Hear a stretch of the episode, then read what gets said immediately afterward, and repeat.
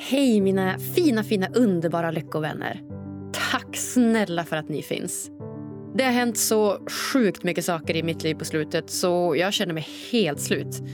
Jag kommer garanterat prata mer om det i podden längre fram när livet har lugnat sig lite och jag är lite mer balanserad. Just nu känner jag bara en sån enorm tacksamhet efter den här underbara midsommarhelgen som varit. Jag känner mig både känslomässigt slut och samtidigt fulltankad med ny energi. Jag har nämligen haft möjligheten att landa så fint hos min tidigare poddgäst Josefin Bengtsson på hennes underbara Soul Space Retreat ute på Lyckhem, mitt ute i Stockholms skärgård. Trots att jag inte kände en enda person på retreatet så har sammanhållningen och gemenskapen aldrig varit så stark, öppen och ärlig. Josefin hon har hållit i oss så fint medan känslorna har fått flöda fritt med hjälp av olika övningar. Vi har gråtit i mängder, vi har levt ut vår ilska. Vi har varit tysta tillsammans i flera, flera timmar. Vi har kommit i kontakt med vår urkraft och levt efter vår inre röst. Det har varit helt magiskt. Och Samtidigt har vi också skrattat och skojat, busat och också lekt i mängder. Allting tack vare vår egen kropp. Mobilen har varit avstängd och med hjälp av bland annat chakra och andningsövningar, shaking, yoga, crossfit, aktiv meditation och mycket, mycket annat har Josefin och hennes kille Karl hjälpt oss att komma bort från huvudet och landa i oss själva. Ja, ni vet, på riktigt. Det har varit helt magiskt. Ja, Josefin hon gästade ju podden i avsnitt 215 och då pratade vi om allting från yoga till meditation till indiska retreat till ayahuasca till black tantra och mycket, mycket mer. Ja, att få leva ut sina känslor som vi gjort eh, nu under midsommar på det här sättet det är genuin lycka för mig. Jag som spelar in den här podden jag heter Agnes Sjöström och mitt mål är att sprida genuin lyckokunskap till alla som behöver det och vill ha det. Lyckopodden det är podcasten för dig som redan mår ganska bra men som med hjälp av små och enkla verktyg vill påverka sitt liv till det ännu bättre. Idag gästar för andra gången psykologen, författaren och föreläsaren Siri Helle Lyckopodden för att avslöja hur du blir smartare än din telefon. Siri hon tog psykologexamen från Stockholms universitet och mottog under studietiden utmärkelsen Lilla psykologpriset. Bland annat för sitt arbete med att popularisera psykologisk forskning. Hur viktigt? Siri hon medverkar också regelbundet i TV4, Svenska Dagbladet och Sveriges Radio och drivs av att sprida psykologisk forskning och kunskap till allmänheten. Hon har skrivit flertalet böcker, bland andra Bli smartare än din telefon och Känslofällan som var den boken som vi pratade om i förra avsnittet som vi spelade in tillsammans. Idag så dyker vi in på varför vi tillåtit en liten, liten manik som telefonen blivit smartare än oss människor. Hur vi på bästa sätt bör hantera telefonen för att faktiskt bli lyckliga. Och vilka som är de största farorna med telefonen idag. Och det här är ett avsnitt det är för alla som äger en smartphone. Alltså både dig och mig och i princip hela Sveriges befolkning. Varsågoda!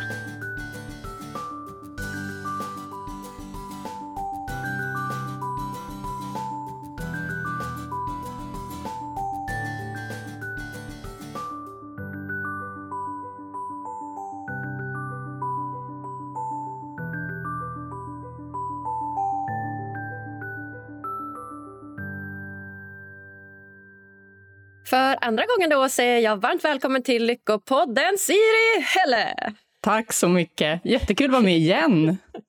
ja, vilken, vilken ära att du vill vara med igen. Nej, men vi har ju mer att prata om. Det finns ju hur mycket som helst att säga. Så. Ja, Nej, men verkligen. Vi har ju tusen avsnitt kvar, eller vad säga. I vart fall ett. Gud, det första jag kom att tänka på nu det var ju ditt, ditt namn som vi skämtade om sist här. Siri Hell. Alltså Siri som i telefonen och så Hell som i helvete. Det var ett ganska roligt skämt tycker jag. jag har hört det förr. Jag tycker det är sådär kul. ja, du bara Agnes, hallå. Du har hört det här tusen gånger. Jag fattar att det inte är lika roligt för dig. Men, ja, nej, men tack snälla för att du är här i vart fall. ja, nej, men det är kul. För nu ska Ja. vi äntligen prata då om varför mitt namn är så himla roligt. Just det här med mobiler. Ja men exakt! Snyggt där att du kom in på vårt ämne direkt efter mitt lilla skämt här. Det stämmer. Du har ju skrivit eh, en annan bok än när vi pratade om sist, Känslofällan. Ja, precis. Min förra bok heter ju Smartare än din telefon. Hur du använder mobilen för att må bättre, bli effektivare och stärka dina relationer. Och Det är helt enkelt så att den sammanfattar forskningsläget kring skärmtid och sociala medier och är liksom en praktisk guide för hur man kan eh, ta makten över sitt användande. Ja men exakt. Det är så himla spännande. Och, jag, menar, jag, jag kan som inte sluta att förundras över hur en, en så här liten konstig manick som en liksom, telefon med internet som vi människor har skapat nu faktiskt är smartare än oss på många sätt. Ja. Alltså, jag tycker bara att det är så sjukt att vi har som skapat den här liksom, digitala världen med mängder av fördelar men såklart också mängder av nackdelar och som ja, men vi kanske inte ens riktigt vet hur vi ska hantera alla gånger. Ja, och det är ju det som är så spännande. Just att vi har fått det här extremt kraftfulla verktyget. Men ingen manual. Nej. Så, Nej, så hur ska man använda den? Liksom? Hur ska man använda sociala medier för att liksom, stärka sitt välbefinnande? Ja, och just det här att så här, det känns som att man måste vara så himla medveten. Alltså det känns ju som att den här liksom, mobilen den bara etsar sig fast. Du vet, det är inte bara att vi, vi tycker om den utan vi, vi kan faktiskt bli liksom beroende av att använda det här. Att liksom, du vet, gå liksom djupt ner i våra liksom hjärnmekanismer och bara, du vet, gör oss beroende. Och så är det som att ja, vi, vi blir det och vi måste vara så medvetna för att inte bli det. Och det är väl det som är det farliga någonstans. Mm, mm. Ja, och sen så, jag har ju en lite annan ingång till det här än vad jag vet att många andra har. Eh, så jag tänker att det kommer bli en lite annan eh, take än vad man ofta hör i media när man pratar om skärmtid. Bland annat när vi ska prata om beroende. Okej! Häng kvar. Superspännande. Ja, exakt, cliffhanger. Häng kvar. Ja. Men innan vi går in och pratar, pratar om telefonen och eh, mobilen och sociala medier och liknande så måste jag bara fråga, vad har hänt sen sist? Det var typ så här en månad sen. Ja, gud, vad har hänt sen sist? Ehm, känslofällan går väldigt bra. Jätteroligt. Eh, jag får mycket liksom, positiv feedback från läsare som tycker om den. Kopplat till det här med skärmar så ehm, har det ämnet kommit upp på tapeten igen. Det är forskare som har skrivit på DN Debatt att eh, de ehm, tycker att Sverige borde införa riktlinjer att barn under två år inte ska ha någon skärmtid. Det håller inte jag med om. Det gör du inte? Okej. Så under två år. Så du tycker att man ska använda mobilen för barn som är två år? Nej, två. jag, jag är inte det liksom att jag tycker att man ska parkera barn framför, framför skärm och det är bra för Nej. dem. Eh, nej, utan forskningen är ju tydlig att man inte ska använda skärm som barnvakt. För att det, det blir ju stillasittande tid och barn behöver motion för att utvecklas. Man får inte heller då träna på sin språkliga förmåga som man får när man pratar med någon eller du vet, interagerar. Så på så sätt så ska man inte använda skärm flera timmar om dagen. Men däremot finns det ingen forskning som pekar på att, att man ska ha noll minuter skärmtid. Mm. Att låta barnet kolla på Babblarna medan man kokar välling, det är helt okej. Så jag tycker inte att vi ska skrämma upp föräldrar eller skuldbelägga dem för att de eh, liksom ibland låter sina barn kolla på skärm. Nej, precis. Nej, men det förstår jag. Och det kan ju vara svårt också att ja, men i det här digitala samhället att så här, äh, hela tiden bara dra bort telefonen från, från barnen som kanske inte vet jag, springer runt och kollar på tv till exempel. Alltså, det känns lite kanske orimligt på så sätt. Ja, jag tänker att det är inte riktigt så det funkar eh, 2022. Eh, Nej. Och att det finns ju jättemycket utvecklande saker att göra på skärmen också. Det finns ju liksom eh, dansspel eller att göra film eller eh, leka med roliga kamerafilter som jag brukar göra med mina små släktingar. Och det är jätteroligt. Eh, och det blir bara en, en kul stund. Så. Men det tänker jag att vi också kommer dyka in mer på. Ja, ja men det kommer vi garanterat. Vad säger motreaktionen? Där? De säger att så här, nej, det är, säger de att det liksom pekar, finns forskning som pekar på att det är farligt då? Eller vad är, liksom, vad är deras argument emot? Ja, men de menar just det här att eh, vi, vi ska vara försiktiga. Att skärmtid, då, stillasittande skärmtid, det tar bara tid från andra viktiga aktiviteter som umgänge och eh, eh rörelse. Och, och, det har de ju rätt i. Men, men som man då har valt att göra från svenskt håll, då, Folkhälsomyndigheten, det är att man avråder överhuvudtaget från stillasittande. Oavsett om det är framför skärm eller att man sitter liksom fastspänd i barnvagn eller barnstol en längre stund. Det är inte bra för barn, oavsett varför. Men att det ändå det kommer hända. Det är en del av, av livet att det blir så korta stunder. Ja, ja men exakt. exakt. Och då kanske det är mer stillasittandet som är problemet då än skärmen i sig. Precis. Många gånger. Och att man mm. då följer upp det på besöken inom barnhälsovården och diskuterar kring de vanor man har hemma. Både då kring, kring stillasittande och hur man använder skärmar. Så, så jag tycker att eh, den, den svenska linjen är, den är bra och den ska vi fortsätta på.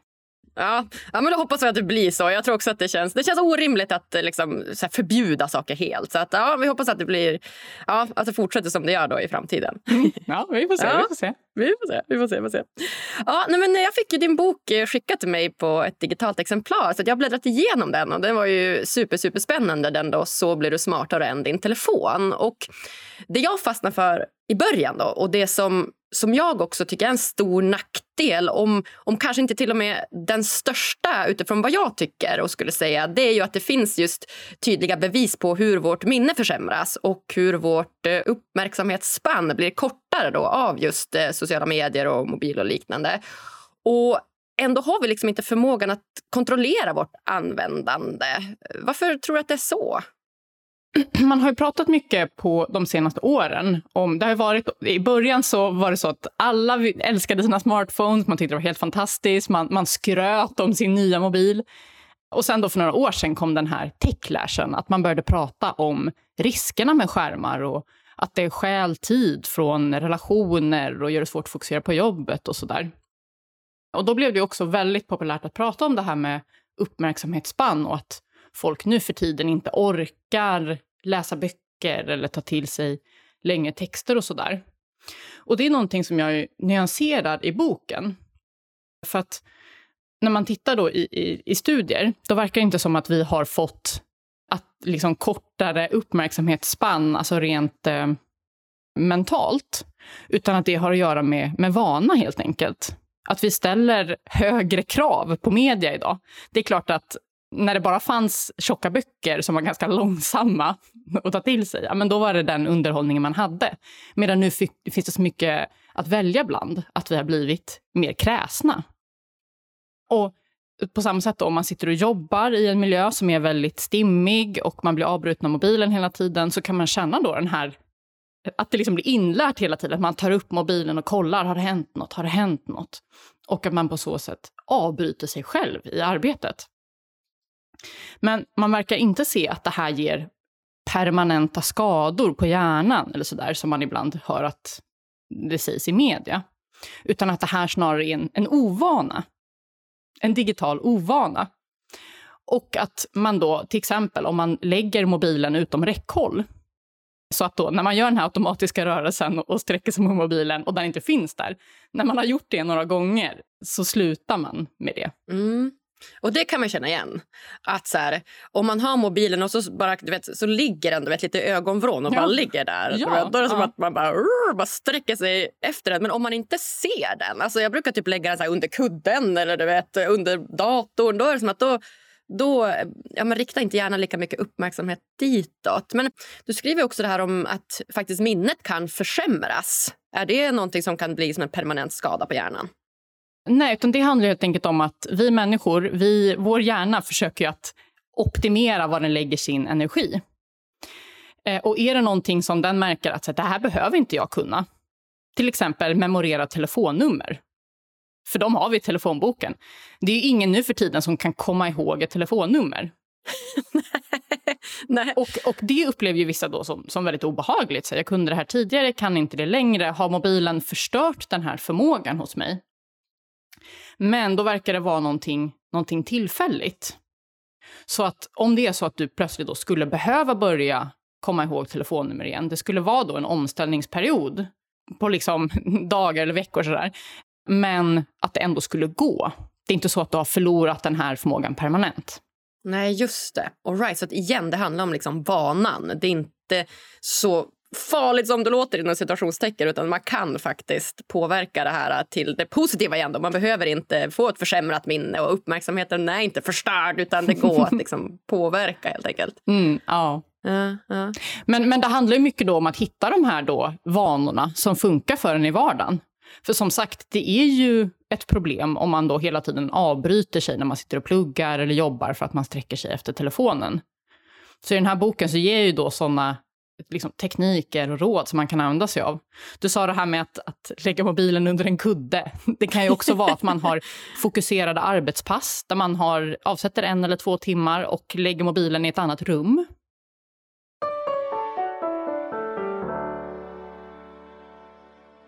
Alltså, vet ni vad en av de mest provocerande sakerna jag någonsin hört är? Det var när min eh, bästa vän Milla kläckte ur sig för x antal år sedan att hon inte har någon bikinilinje. Alltså va? Ingen bikinilinje? Hur kan man inte ha en bikinilinje? En annan håller ju på att raka av sig överallt så att huden blöder. Speciellt nu till sommaren när kläderna börjar åka av och bikinisäsongen närmar sig. Ja, Milla hon är ju förvisso blond och lär ju ha blont hår på hela kroppen, men ändå.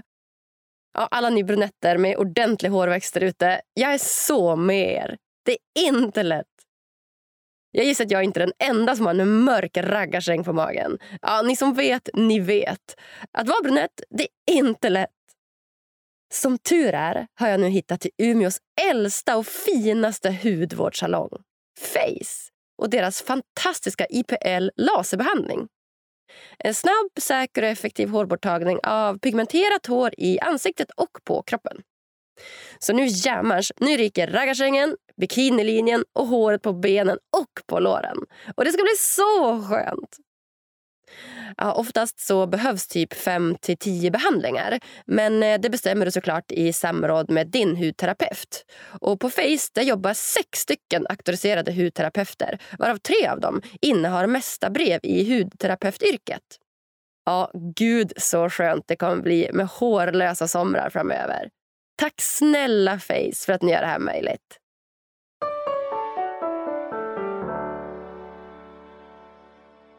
Vilka är dina bästa såna tips då? Vanetips för att bli, ja, men för att inte styras av din telefon? Mm, mm. Så att den här boken har ju då olika kapitel. Det finns ju om eh, eh relationer och arbetsliv och hjärnan. Men jag har ju några quick fixes i början. Det som jag skulle säga är liksom de mest potenta, enkla råden. Och de, de har de flesta hört vid det här laget. Till att börja med då att slå av aviseringar ta bort så många aviseringar som möjligt. För att de, eh, vissa aviseringar de finns ju där för att du vill ha dem. Till exempel, du kanske vill veta om eh, din familj eh, försöker ringa mm. dig. Mm. Däremot kanske inte så viktigt att så här, det har kommit en ny... Eh, inte vet jag, den här appen har ett nytt erbjudande och vill dra in dig i, i den appen, eller det här spelet. Ja, och att slå av alla sådana aviseringar. Och också att eh, ta bort till exempel jobbmail eller eh, liksom andra sådana notiser när du är ledig som du inte vill bli påmind om. Ja, men det har faktiskt jag gjort. Det har jag tagit bort alla notiser och slagit av alla typ. Jag tror, alltså alla, jag tror inte att det är någon app som hos mig får ha notiser förutom typ sms och ringa. Typ. Det är bara det. Ja. Mm, och det har jag också gjort och tycker att det är en enorm skillnad. Mm. Ja, men det är det faktiskt. Och slippa det här plinget som ett konstant bakgrundsljud. Oh. Ja. Ja, och jag får nästan panik när andras telefon plingar. Vet man, oh, oh, nu plingar det. Oh, det plingar där. Och bara, oh, du har på Messenger-notiser. Oh, du, alltså, du vet, det så här. Men då vet man också att det här är inte mitt. Det här är inte mitt. Det är ganska skönt. Mm, verkligen. Men vilka, vilka skulle du säga är liksom de största och farligaste nackdelarna med liksom vårt mobilanvändande eller med mobilen generellt idag? Jag skulle säga att det största besväret som, som jag ser, både hos mig själv och andra, är att det tar tid från annat. Sånt man behöver för att må bra. Så till exempel då, ja, men vi pratar om det här med när man, man sitter och umgås med andra och deras telefoner plingar till hela tiden och så kanske de tar upp och kollar vad det är för någonting och sådär. Relationer är ju jätteviktigt för att vi ska må bra. Att vi kan känna närhet. Och om man då sitter och försöker ha du vet, en, en konversation och komma nära varandra och sen blir man hela tiden avbruten och någon sitter och kanske kollar Instagram samtidigt som man pratar och sådär. Inte bra för välbefinnandet. Nej. Och Nej, på samma inte sätt då om man eh, liksom fastnar framför skärmen istället för att vet, gå ut och ta en kvällspromenad kanske. Det är inte heller bra. Och de här tjänsterna är ju ofta designade för att hålla kvar oss och dra in oss. Ja, det är det som är läskigt. Och det är svårt. Alltså jag vet ju själv det är svårt att, att slita sig. Alltså det är ju verkligen det när man sitter där och scrollar och så bara hoppsan har det gått en halvtimme eller en timme till och med. Men om vi går tillbaka till det här med relationer. För att ensamhet är ju superutbredd folksjukdom idag. Och det är ju just den här ofrivilliga ensamheten är det ju många som tyvärr lider av. Och det är ju Mm. väldigt, väldigt farligt. För vi är ju sociala varelser. Och där tänker jag väl att det finns både så här en positiv del och en negativ del i det här. Att så här, det, på ett sätt går det ju faktiskt att socialisera sig via sociala kanaler. Alltså du kan ju bygga liksom vänskaper där genom som inte hade gått utan telefonen. Men däremot så tänker jag att det kanske är svårt för de här relationerna att ersätta fysiska relationer. Eller vad skulle du säga där? Liksom? Hur, hur ska man se på den biten med så här, digitala relationer och fysiska relationer? Mm. Så vad man har sett i studier är ju som du säger att vi människor vi mår ju bra av att interagera med andra. Men våra eh, liksom belöningssystem, den här sköna känslan man får av att interagera med andra, den är starkast när man umgås fysiskt. För att då är det så många dimensioner på en gång. Det är inte bara eh, röst, utan det är också kroppsspråk och tonläge och kanske beröring. Och man ser att för varje del man skalar av, desto mindre blir den här välbefinnande effekten. Så telefon till exempel, det är bättre än chatt. För i telefon får man ju röstläget, medan i chatt så eh, blir det bara då innehållet i det man säger. Men att chatta med någon då man, man tycker om, det är, är ändå en effekt jämfört med att då vara själv till exempel. Men sen får man ju väga det här mot, eh, mot andra faktorer. Alltså det kanske är bättre att, du vet, eh, om man är på en släktträff och eh, inte gillar sina släktingar, att då få gå undan och prata med bästa kompisen i telefon kanske får en att må bättre jämfört med att umgås fysiskt. Så det är inte heller så att, att det alltid är bättre att vara, eh, vad ska man säga, umgås fysiskt.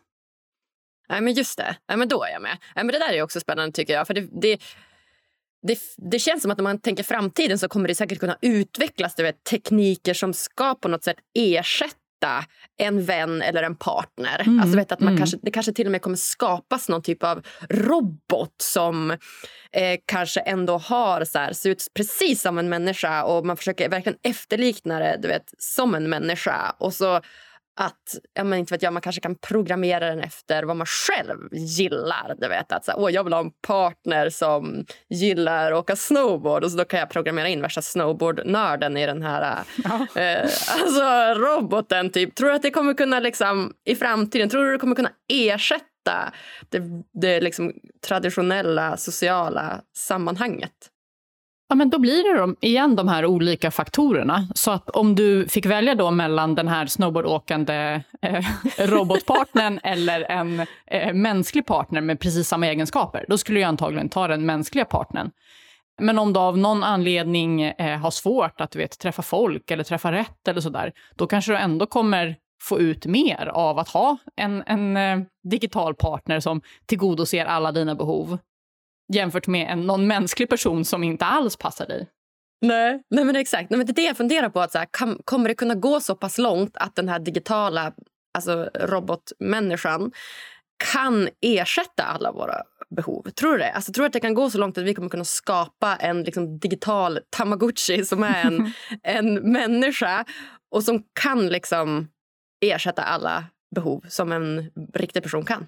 Och det finns ju sådana tjänster och det finns ju folk som har eh, liksom gift sig eller haft sådana äktenskapsceremonier Ja. med sina digitala partners och sådär. Eh, så, så vissa kommer säkert gå den vägen. Men jag har svårt att se att alla skulle göra det. Och jag tänker vad, vad vi alla kan ta med oss från det här, oavsett, det är ju att när vi umgås med människor som vi har en nära relation till, det är ju att vara närvarande i de stunderna. För att det finns liksom inga, inga eh, digitala kickar som kommer eh, motsvara det som man kan ha när man umgås fysiskt. Nej, Nej men 100 procent. Och det vet jag ju själv. Och jag är inte bättre själv. ska Jag säga. Jag också ibland dras jättemycket till min telefon när jag är med andra. Men man, man märker det ju mest när man ser att andra gör det mot en själv. Att så här, man sitter och har ett samtal typ och sen så bara tar någon upp telefonen och lyssnar inte. Alltså det, det blir ju... Ja, det känns ju inte bra. Det är inte kul när liksom fokus ligger någon annanstans än på en själv när man har en, en konversation. Så det kan man Nej, verkligen tänka på. Så är Mm. det.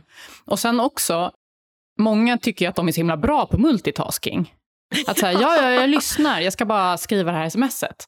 Det tar jag också upp i den här boken, att vi människor, vi upplever ju ofta att vi är bra på multitasking. Mm. Men faktum är att den mänskliga hjärnan inte kan fokusera på flera saker åt gången. Utan vad vi gör när vi multitaskar, det är att vi snabbt skiftar vår uppmärksamhet från det ena till det andra. Så att det kan kännas som att vi gör flera saker samtidigt. Men det går liksom inte att skriva ett sms och samtidigt lyssna på vad någon säger. Nej. Nej, vi är inte kapabla till att göra det, även fast Nej. vi tror det. Ja, och när folk säger det till mig, som är liksom psykolog, då bara muttrar jag lite och sen så väntar jag tills de har skrivit klart. Jag förstår det. Och Det är så roligt, det står ju typ fortfarande i folks CV att så här, mm, bra på multitaskar. Ja, vet, att det är så här ja. positivt. Typ. Och Man bara, all right, all right. Ja, och det tror jag kommer vara i, i, eh, i framtidens arbetsliv, tror jag snarare att det kommer vara en, en skill att jobba fokuserat. Ja. Och att kunna göra de här avgränsningarna och, och prioritera att nej, men nu, det här är en uppgift som kräver fokus. Och för att jag ska kunna prestera på topp, då stänger jag av alla distraktioner. För den här uppgiften så är inte mejlen eller telefonen lika viktig, utan nu jobbar jag på den och sen eh, plockar jag upp mobilen om två timmar och ser om det har hänt något akut. Just det, exakt. exakt. Jag hör dig. Och på många jobb så är det ändå så att, att eh, ja, men som du säger, man sitter oftast vid datorn, ett klassiskt kontorsjobb och så har du mobilen i fickan och sen håller du på med datorn. Och sen kanske ringer någon kund eller så ringer chefen eller något och så liksom får du ändå avbryta och ta upp telefonen. Så det, ja, nej, man förstår att det inte är riktigt lika effektivt där kanske. Nej, det blir ju sällan så. Men där tänker jag att vi också kommer få se nya digitala lösningar. Man kan ju skicka nu mejl med olika hög prio och då är väl problemet att folk, eh, alla tycker att deras mejl är högsta prio. Men, Ja. eh, men att om vi får bättre sådana tjänster som kan filtrera så att vi bara då, det, vi, det släpps igenom om det är ett sånt akut samtal eller ett akut mejl. Men i de flesta fall då, att det här kan vänta två timmar. Så vi ändå får jobba ostört.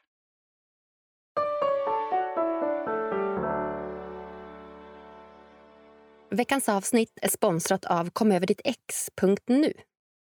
Kommer ni ihåg Johanna Danis? Ja, Heartbreak-coachen som gästade Lyckopodden i avsnitt 222. Hennes profession är något jag vill tipsa alla om som gått igenom ett hjärtskärande breakup på slutet. Eller kanske till och med till dig som lever i en kärleksrelation idag men som är för rädd för att ta dig ur den. Johanna hon har helt magiska lyckotips till dig som efter ett uppbrott vill bygga upp din självkänsla igen. Som vill hitta tillbaka till dig själv och som vill börja se positivt på framtiden igen. Johannas kurs Konsten att komma över ditt ex på en kvart om dagen är en kurs som du kan hålla i handen och få veta exakt hur du steg för steg tar dig från känslomässigt kaos till klarhet och lugn efter ett uppbrott från en kärleksrelation. För som ni hörde i avsnittet så läker tiden faktiskt inte alla sår. Utan det handlar om vad du gör med tiden som avgör om din självkänsla repareras och hur snart du blir redo för att älska både dig själv och andra igen. De som gått kursen de brukar beskriva att de får ett helt nytt lugn i kroppen. Att de känner sig starkare i relation till sitt ex. Och känslor av skuld och skam de brukar lösas upp utan att man ens tänker på det. Kursen den bygger på vetenskap och beprövad erfarenhet från bland annat KBT, mindfulness och professionell sorgbearbetning. Med hjälp av den senaste forskningen kring motivationspsykologi får du också lära känna dig själv på ett helt nytt sätt. Förbereda dig själv på nya härliga kärleksrelationer och skapa en djupare mening i livet. Du kan gå hela kursen på egen hand hemifrån och starta redan idag eller när du själv känner dig redo.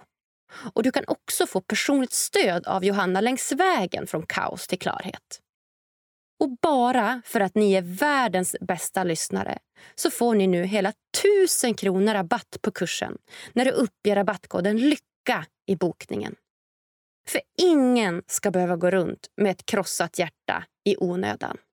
Gå in på www.komoverdittx.nu, alltså O istället för ön, och få tillgång till kursen direkt.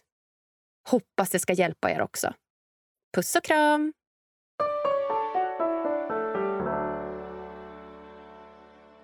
Tycker du telefoner och sociala medier behöver begränsas mer i samhället? Alltså Behöver vi hjälp? Jag menar, På jobb där kan det vara där är ändå vuxna människor. Och, och, när vi blir tillräckligt medvetna så kommer vi kunna liksom, prioritera och ja, men, ha den här självdisciplinen. Men jag tänker typ skolor eller du vet, ungdomar. Behöver vi på något sätt liksom, begränsa dem i form av en hjälp för att kunna liksom, ja, men, få ett lyckligare liv, tror du?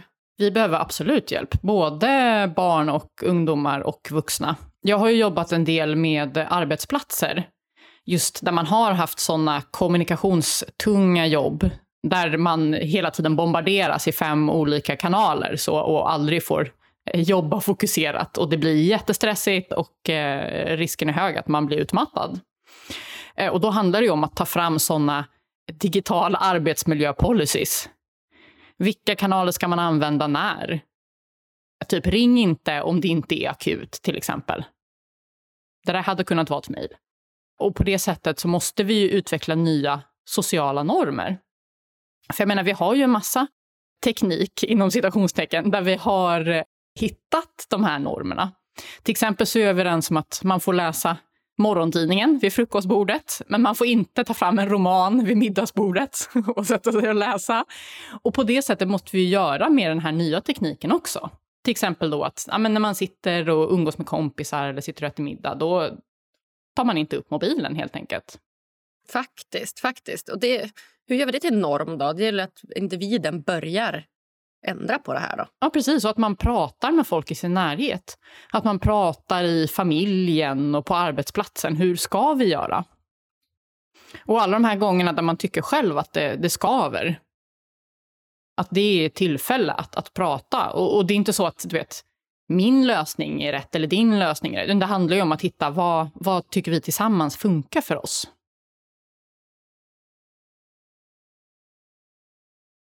I din bok eh, Bli smartare än din telefon så tar du också upp eh, vissa saker som faktiskt kan vara positiva med mobilanvändandet.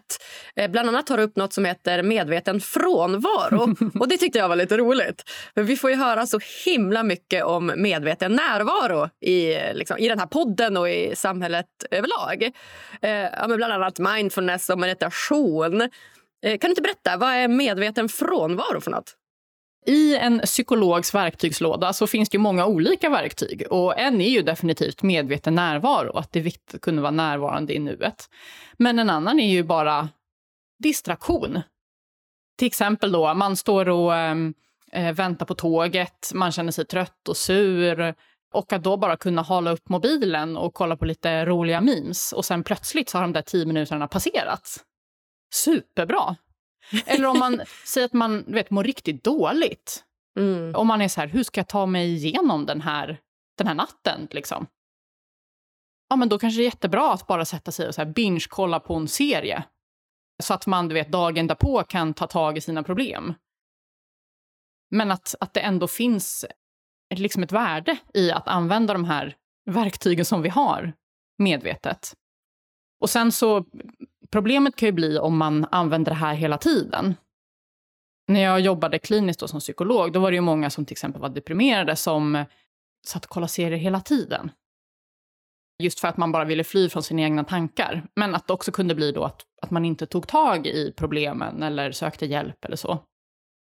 Nej, men precis. Och där tänker jag väl också det här igen att i mitt huvud så känns det ju lätt lättare att liksom fastna i den här medvetna frånvaron. Att hela tiden distrahera sig med saker och att man behöver vara mer medveten och göra fler aktiva val för Exakt. att faktiskt då, ja, men, vara mer i medveten närvaro till exempel. Och det är väl där som jag känner att faran ligger inom situationstecken. Att det krävs så mycket medvetenhet Mm. och liksom självdisciplin för att kunna hantera det här på något sätt. Precis. Ja, och det är därför just jag kallar det för medveten frånvaro. För att det ska vara då när man gör ett aktivt val. Att nu, nu använder jag det här verktyget. Mm. Eh, Men det har du helt rätt i, att det kräver väldigt mycket av oss som individer. Och där vill ju jag se framöver mer från de här tekniktjänsterna.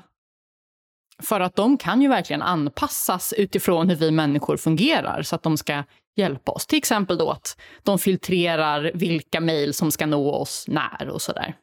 Just det, exakt. Ja, spännande. Ja, jag såg att, de, att eh, iPhone nu på, jag tror att när man har iMessage, så, så när man skriver till folk så kan man se att det står typ så här, men Siri Helle har tystat notiser. Eh, men så står det också så här, skicka ändå. Så att man kan så här, se att du har tystat dem. Så man vet att okej, du vill inte ha liksom, någon, så mycket uppmärksamhet just nu. Men så kan man ändå skicka ändå. Du vet, om jag tycker så här, att det är viktigare. Du vet att jag bara så här, oh, men det här är superviktigt för mig att veta om du kan komma på den här middagen klockan sju eller om det blir klockan åtta. Du vet. Och så skickar man det ändå. Alltså jag tyckte den var lite speciell. att så här, Okej, nu är det jag plötsligt ansvaret på mig att så här, ska jag skicka det här, ska jag inte skicka det här. Är du med? Ja, men verkligen. Och det är väl där jag hoppas att du vet, AI, artificiell intelligens, ska bli bättre på att läsa innehållet i meddelanden och avgöra vad, vad tycker mottagaren. Ah, just det. Mm. Exakt. Vad tror du om teknikanvändandet här i framtiden? då? Alltså vad, vad, hur tror du att det kommer utvecklas? Tror du att vi kommer kunna lyckas hantera det här på ett bättre sätt eller inte?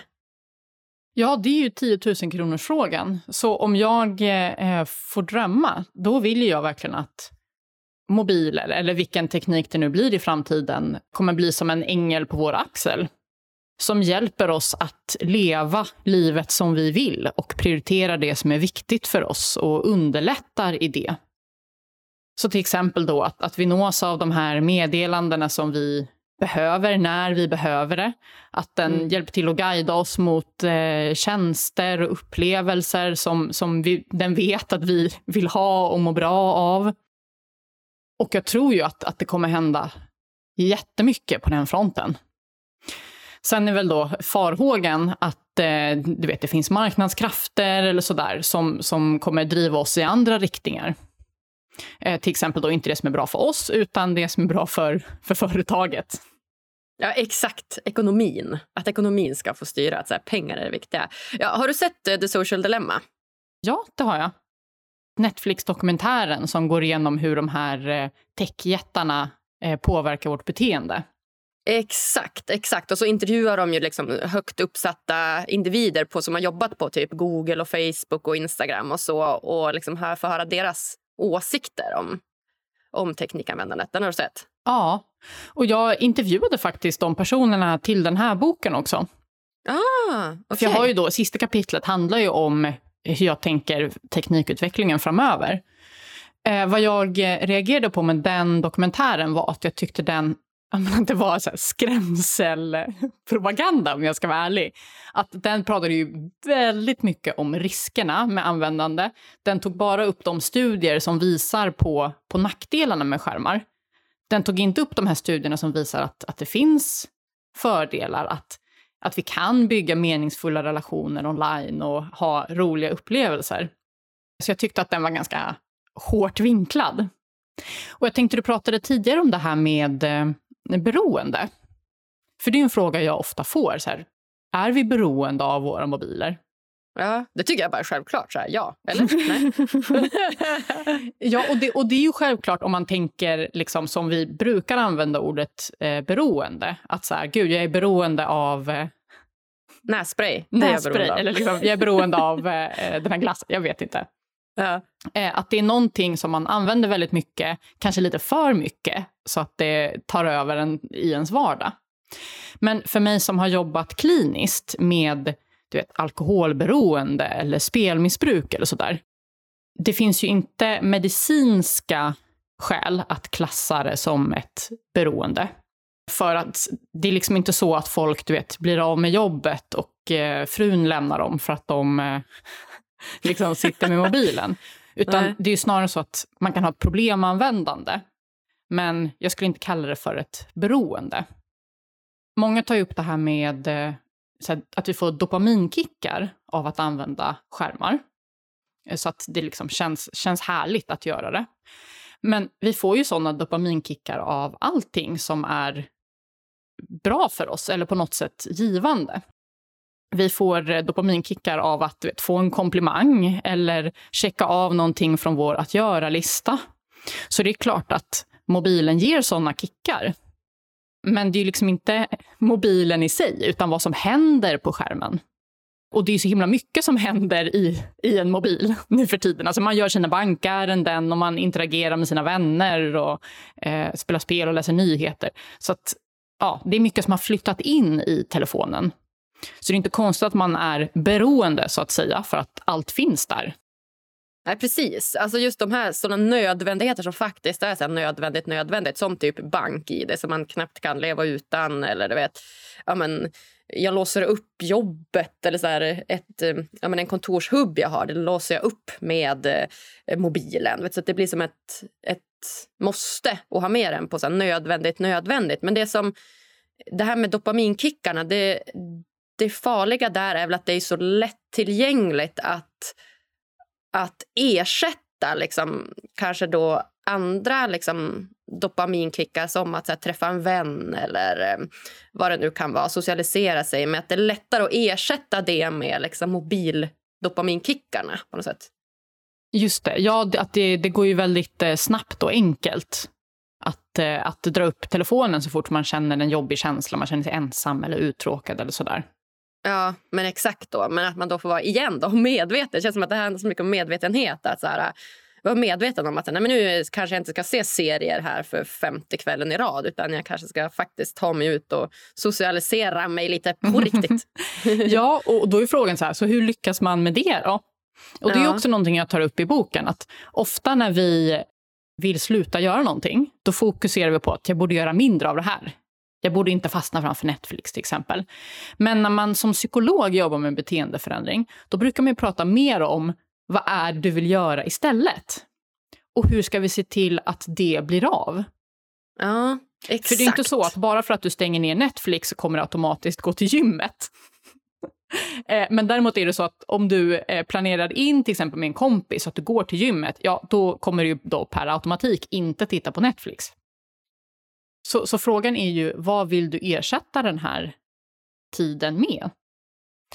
Och när jag frågar folk, då, då kan jag bli överraskad av att, att många inte har funderat så mycket på det. Man kanske säger saker som man tänker att man borde vilja. Till exempel träna eller så här, men jag borde du vet, läsa Krig och fred, den ska man väl ha läst. Liksom. Eh, men det är klart att om det inte är någonting man tycker om, om det inte lockar, då kommer det inte heller, det, det, kommer inte bli en vana.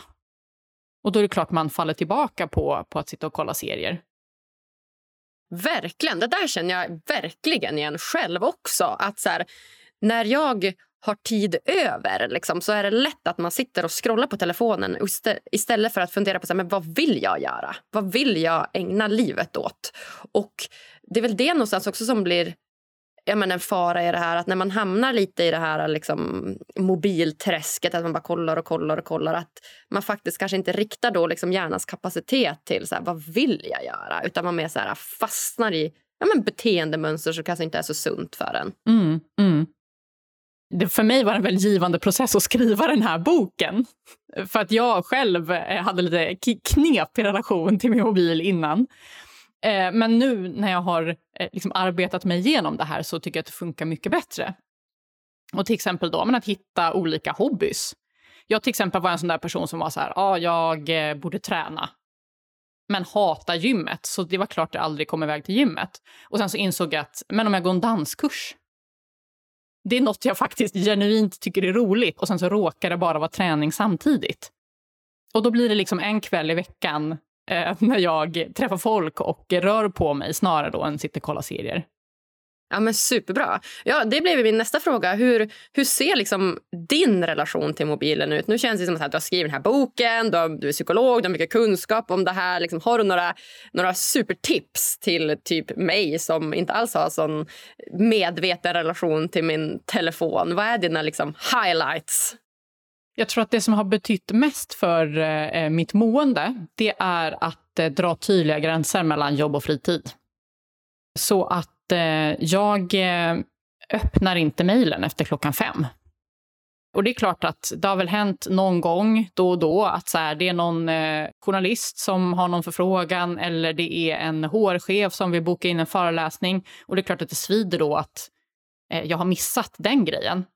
Men om man tittar på helheten, hur mycket jag har vunnit av att kunna vara närvarande i, i min fritid och i mina relationer, så har det ju definitivt varit värt det. Så, så har man möjlighet att, att dra sådana gränser så tycker jag absolut att man ska göra det. Och är det så att man då har någon, eh, någon sur arbetsgivare som vill att man ska ha ett öga på mejlen, då kan det ju vara så att man istället kan boka in då en, en liten tidslott någon gång på kvällen när man kollar mejlen. Så säg då att man är så här, ja men klockan 21 typ. Då kollar jag mejlen och eh, ser om det har kommit in något viktigt. Men så att det inte är så att man, man har ett öga på, på jobbet liksom hela tiden. För Det känns som också som att just arbetslivet att det går lite grann mot det hållet. Att så här, arbetsgivare också ja, men, tycker att man ska vara mer tillgänglig. Alltså förut var det ju inte, typ tio år sedan var det absolut inte okej att någon skulle ringa ens privata hemtelefonnummer du vet, och fråga en jobbfråga klockan nio på kvällen. Men nu är det lite så här att ah, men du kan väl inte vet jag, kolla mejlen lite där klockan nio på kvällen bara för att se om det har kommit in något. Alltså att det blir som att man går på en ständig jour. Typ. Mm. Och det tror jag gör mycket för den alltså stressrelaterade ohälsan. Och jag tror att många kommer ta efter Frankrike som ju har infört ett förbud för arbetsgivare att eh, höra av sig utanför arbetstid. Just för att, eh, ja, alltså det är ju som att man är på jour då. Ja, det är ju det. Och det fick man ju du vet, trippla betalt för tidigare. Ja, exakt. Nu är det exakt. som att det är samma. Ja, ja lurigt. Men jag tänker just för ungdomar och sådär, för det känns ju som en, en målgrupp som är viktig i det här. De, de är ju liksom ännu mer utvecklande i mobilanvändandet än, än vi. Liksom. Jag hade ändå en liten period under min uppväxt där det inte fanns telefoner. Men de växer ju upp i telefonen. Mm. Hur tycker du att vi bör liksom hjälpa dem att på något sätt begränsa på något klokt sätt? Alltså, får de ha telefoner i skolan? Ska, de liksom, ska föräldrar sätta högre krav? Eller hur, hur tror du att det kommer utvecklas på ett sunt sätt? Ja, men jag tror verkligen att nyckeln här är att hitta hållbara digitala vanor. För, för många när man pratar då om skärmtid och unga, då, då förespråkar de avhållsamhet. Eh, att så här, begränsa skärmtid, punkt och slut. Eh, vad vi vet från tidigare. alltså det handlar snarare om att, att stötta unga att göra det på ett bra och säkert sätt. För det är inte rimligt att eh, alltså alla kompisar är i mobilen och skolarbetet är i datorn. Så, där, så det går ju liksom inte att avstå. Men där tänker jag att vi från, från tidig ålder, alltså med små barn så handlar det ju om att sitta med dem när de sitter vid skärmen. Och att prata om eh, varför det är viktigt att du vet, inte sitta för länge utan ta rörelsepauser. Och varför det är viktigt att inte använda skärmen då precis innan man ska gå och lägga sig. Om, om det är du vet, engagerande innehåll som gör att man får svårt att varva ner till exempel. Och att ju äldre barnen blir så blir de mer och mer självständiga. Att man hela tiden finns där och har diskussionen och stöttar dem. Precis som man stöttar dem i andra livsområden. Ja men verkligen. Och skolans uppgift då? Hur ser du på den? Ska de begränsa telefoner i klassrummen till exempel? Eller om du är liksom äldre barn, typ tonåring och sånt? Ja, men som sagt, så vi, vi människor kan ju inte eh, liksom fokusera på flera saker samtidigt. Så att det är ju absolut, om man ska jobba fokuserat, då ska man inte ha mobilen framme. Och man ska inte heller ha då så att man får vibrationen i fickan liksom, och kollar lite snabbt. Men sen så kan man ju också ha du vet, undervisning där det är bra att kunna ha mobilen som ett verktyg och sådär. Så att därför är jag lite kluven till att till exempel ha du vet, mobilförbud under hela skoldagen eller så. Utan där har ju lärare nu den befogenheten att om det är saker som stör undervisningen så kan de ju säga ifrån att eleverna inte får ha, ha det framme. Liksom. Ja, ja, och jag tänker att kanske att man kan samla in dem typ under liksom lektions lektionstid. Alltså att då, då behöver de inte ha några telefoner. Och att kanske på raster att man får hämta ut den då och använda den och ringa. Typ något sånt känns väl då blir det ändå lite kontrollerat men att det, de ändå får ha den liksom en stunder på något sätt. Mm, mm. Mm. För det ser man samma sak med datorer. Alltså, de flesta skolor har väl ändå datorer idag. Det är lite samma sak. Alltså, det är ju, det är ju superpositivt när det kommer till liksom, skolarbete med Google och man kan läsa böcker och allt möjligt. Och researcha och läsa forskning och liknande. Men det är också så att det är väldigt lätt att installera ett spel som man blir, liksom, sitter Verkligen. och blir ja, men, uppslukad i eller vara inne på Instagram eller sociala medier. Så det, är, det är verkligen tvådelat. Det handlar om att lära sig hantera det på något sätt. Mm. Och där återigen så är vi inne på vad jag tänker här, framtidens teknologi. Att då, det är klart vi måste blocka eh, allt annat än skolinnehåll på, på skoldatorer. För att det är väldigt svårt att fokusera när man har eh, all världens underhållning vid sina fingertoppar. Så. Eller hur? Ja. ja, det är lättare att gå in på www.spelanu.se än på typ www.forskning.com. ja, vad härligt. Gud, vad härligt, Siri. Tack snälla för, för dina fantastiska tips. Har du några liksom, eh, ja, men, slutliga tips som är dina så här, favorittips mot eh, ja, men, att kunna skaffa ett lyckligt mobilanvändande? Nu, vi har inte pratat så mycket om sociala medier, vilket jag tänker är, det är en av de sakerna som folk lägger mest tid på. Och vad man har sett i forskningen är ju att sociala medier som helhet har en liten, liten, liten negativ inverkan på folk överlag. Alltså att om vi sitter och scrollar så tenderar vi att må lite, lite sämre efteråt än när vi började. Och det beror ju helt enkelt på att eh, ja, men, ofta så kan det väcka liksom, kanske avundsjuka, att se bilder på, på andras perfekta liv eller sådär. Men att det beror ju väldigt mycket på, på vad vi ser för någonting. Och att det är viktigt då, till exempel då att, att kurera sitt flöde. Så att om det är personer då som du vet återkommande får dig att må dålig eller känna dig otillräcklig, att avfölja dem eller pausa dem eh, och ersätta det med konton som faktiskt får dig att må bra och, och få mer av det i livet som, som du vet är bra för dig. Så det är väl ett sånt liksom, gyllene tips. Att, och det kan man göra med sina kompisar, att man liksom sätter sig tillsammans och har en liten workshop. Ja, Går igenom flödet och diskuterar hur, hur påverkas jag av den här, det här kontot och Ja. vad vore bra för mig. Ja, det där är jag supernoga med. Alltså, jag tar bort så mycket följare varje dag känns det som. Är det alltså, sant? ja, Vad men alltså, jag- imponerad jag är. Ja.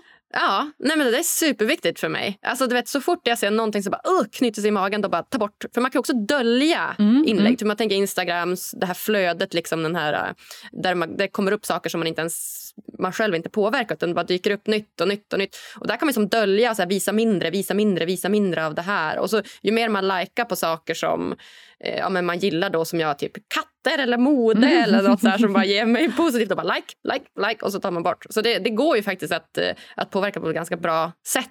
Mm, Sådär. mm, Mm. mm. Och sen kan man också fundera över då, vad, vad väcker det här i mig?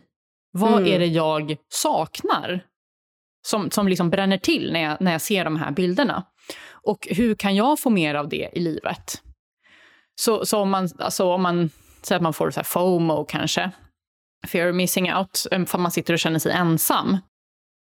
Finns det någon du kan ringa? Eh, Finns det, du vet, kan du boka in någonting till helgen? Eller du vet, att, alltså att försöka göra någonting, aktiv förändring i den riktningen. Mm. Men också då dölja. Ja, dölj, dölj, dölj, dölj. Ja. Exakt. Ja. Nej, men jag har precis ehm, eh, gjort slut, eller vi har precis gjort slut jag och mitt ex då. Så att eh, allt som är kopplat så här, till han eller du vet eh, relationer eller något, så här, det vill inte jag se just nu. Så jag bara bort, bort, bort, bort och så bara mata mig med så här, positiva, positiva, positiva saker. Mm. Bara för att Katter. komma på benen. Katter och mode, det är det, jag kollar på. Mm. Jag också katter. Gud vad härligt. Ja, katter är härligt.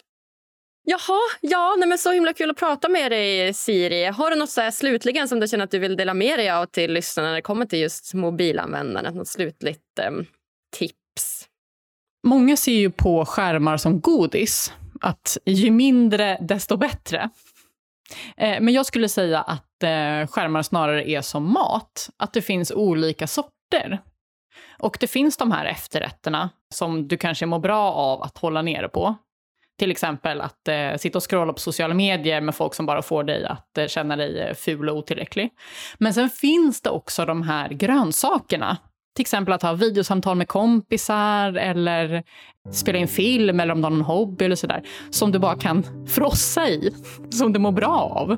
Så, så eh, mitt tips är att försöka lära sig och upptäcka de här skillnaderna. Och knepen för att dra ner på efterrätterna men frossa i salladen. Och slutligen då, hur blir man smartare än sin telefon? Man läser boken och följer tipsen.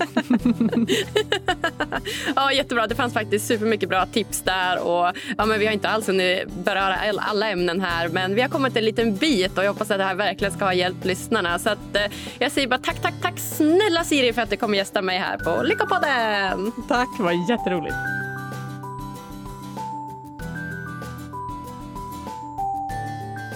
Kloka fina Siri.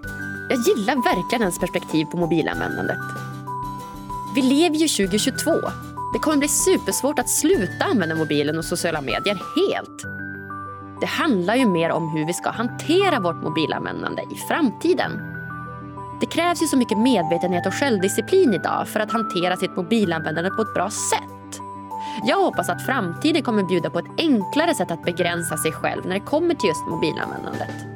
Och det tror jag att det kommer göra också. Uppskattade ni också det här avsnittet?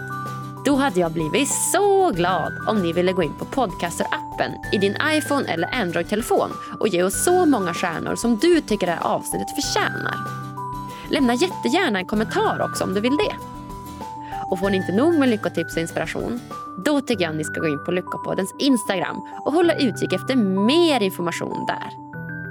Vi hörs på tisdag igen. Puss och kram!